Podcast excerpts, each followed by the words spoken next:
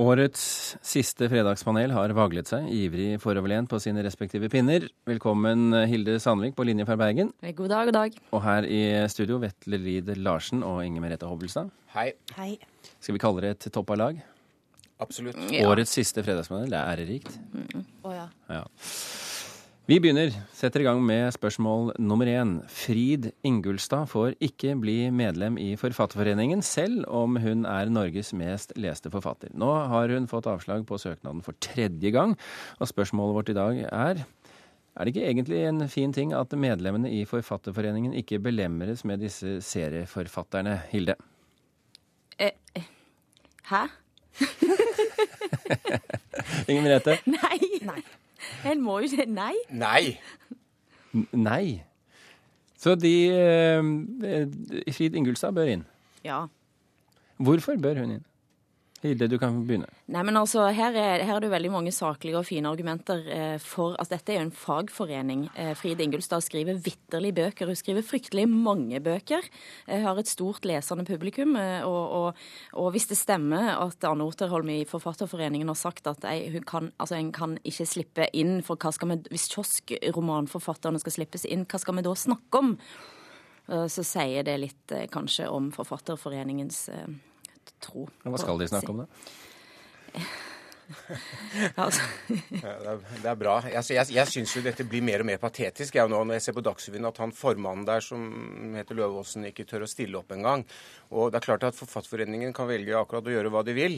Vi vet jo ikke om han ikke tør. Han vil ikke, Nei, kanskje. men vi må anta det. For at dette er jo tross alt en sak som opptar Det er første gang liksom nå på flere år at når Norge er engasjert i Forfatterforeningen, så må de jo stille opp og forsvare synspunktene sine. For det er jo interessant.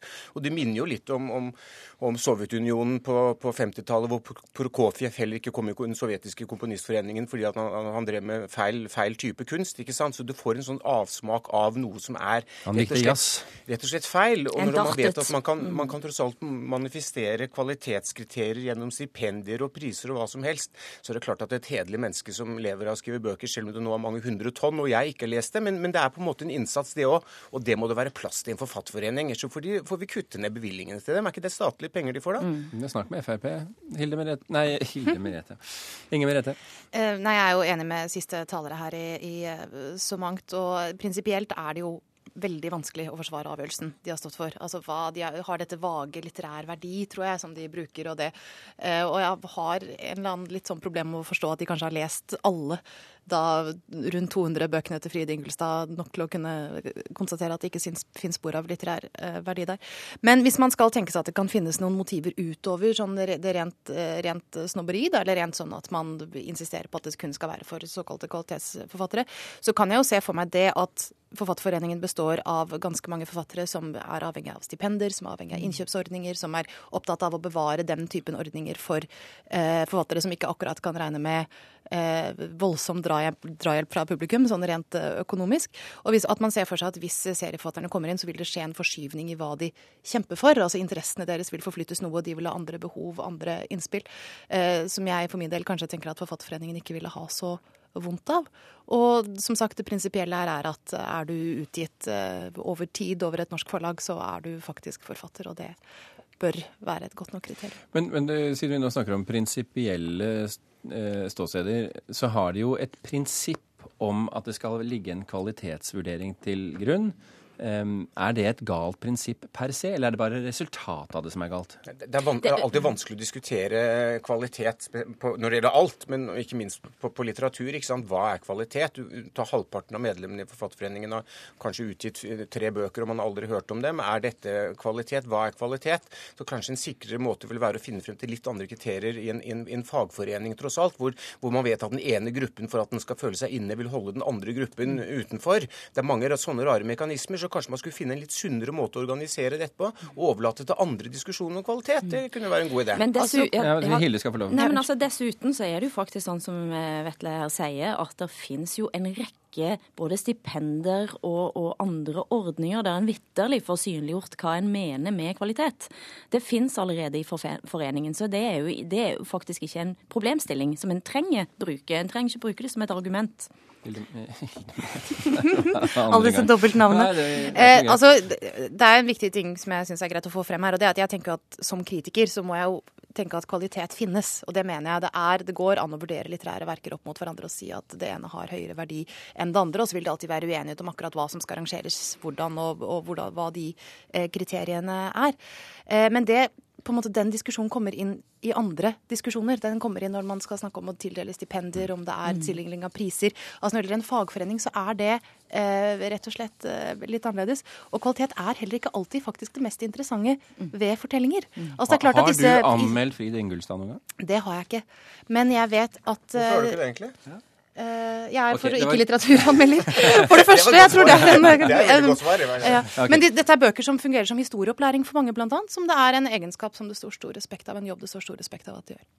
Fint. Det er klar beskjed fra Fredagspanelet til eh, Den norske forfatterforening. Vi går til neste spørsmål.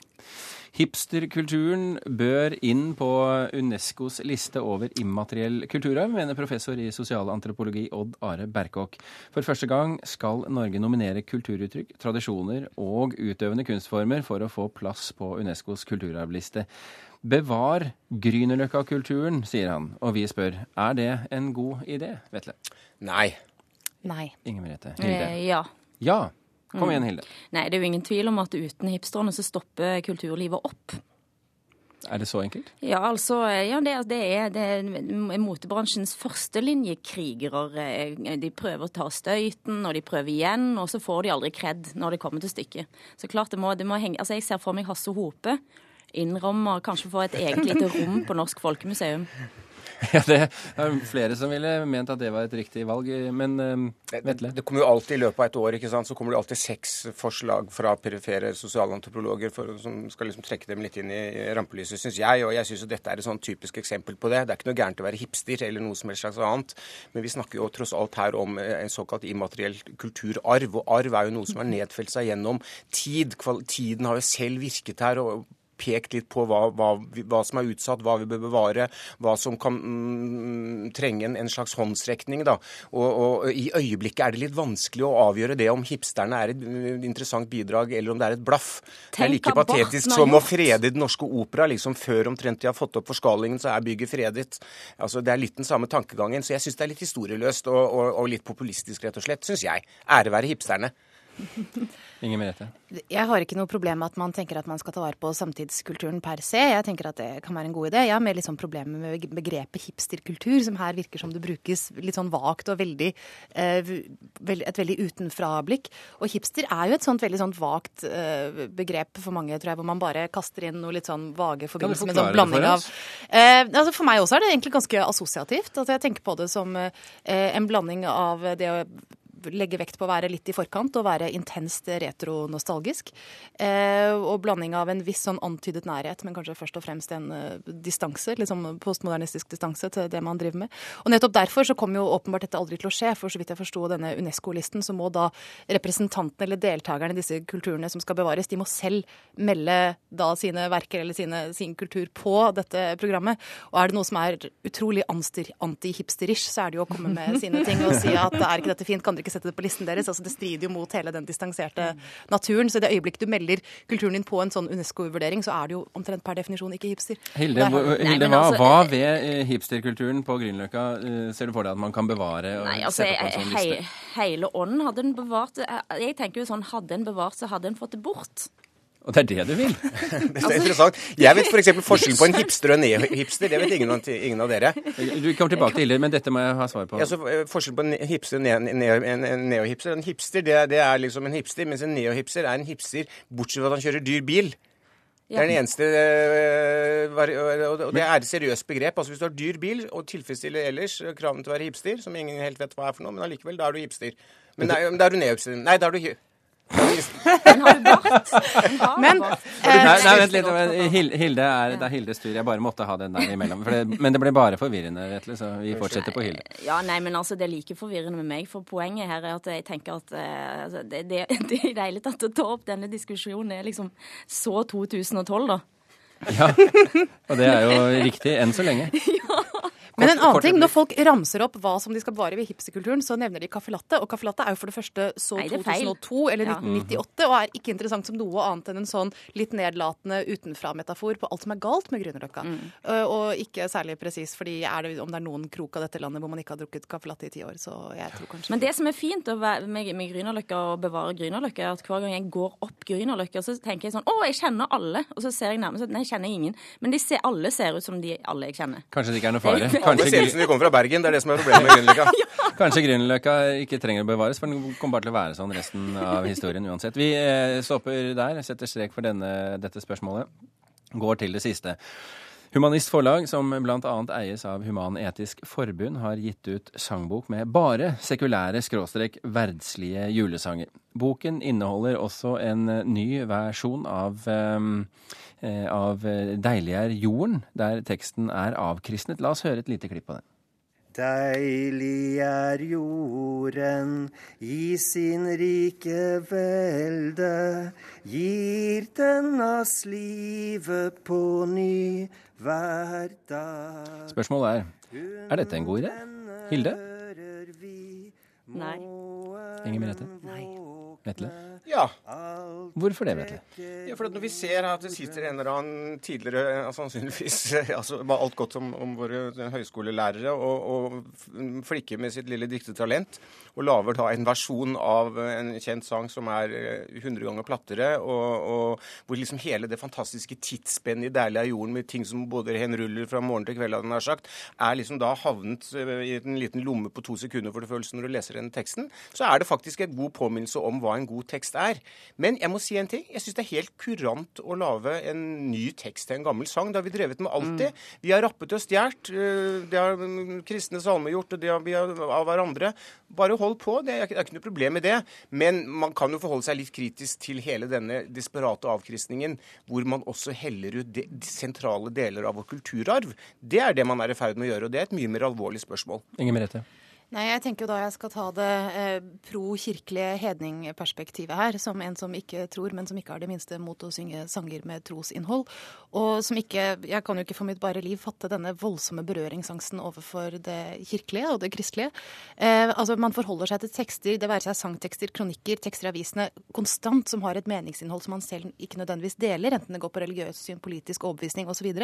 Men med en gang en sang har et religiøst innhold, så er det som om man må skånes for det som, på et eller annet vis. Eller som om det er, eh, skal innebære en eller annen sånn eh, kompromittering av ens egen integritet å synge det. Og det syns jeg er en fryktelig misforståelse. Så jeg tenker at vi særlig i et, eh, i et mangfoldig og flerkulturert samfunn så trenger man felles referanser. Eh, altså Man trenger ting som har vært med lenge, som tekster som alle kan. Eh, og om det har et eh, kirkelig innhold eller et eh, verdslig innhold, så kan jeg ikke se at det skal være, det skal være en grunn, grunn til at noen skal gråte seg i søvn om natten. Hilde? Nei, altså Det fins jo ikke noe mer religiøst eh, i, i Norge enn Human-Etisk Forbund. Og det fins ingen andre steder i verden der det er så mange humanetikere og som er så rike. Men akkurat her må jeg bare innrømme at her mener jeg at grensa til Forfatterforeningen eh, burde gått. Eh, akkurat, akkurat her. Dypt under skyenes perlemors dyner går solen ned bak tause fjell.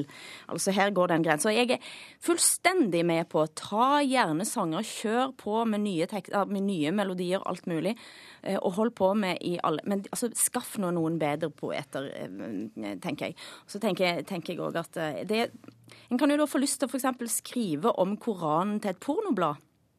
For eksempel. Det synes jeg var, nå, nå tror jeg det begynner å gå mot slutten av året her. for Dette syns jeg var et veldig Dårlig forslag. lite opphissende forslag. ja.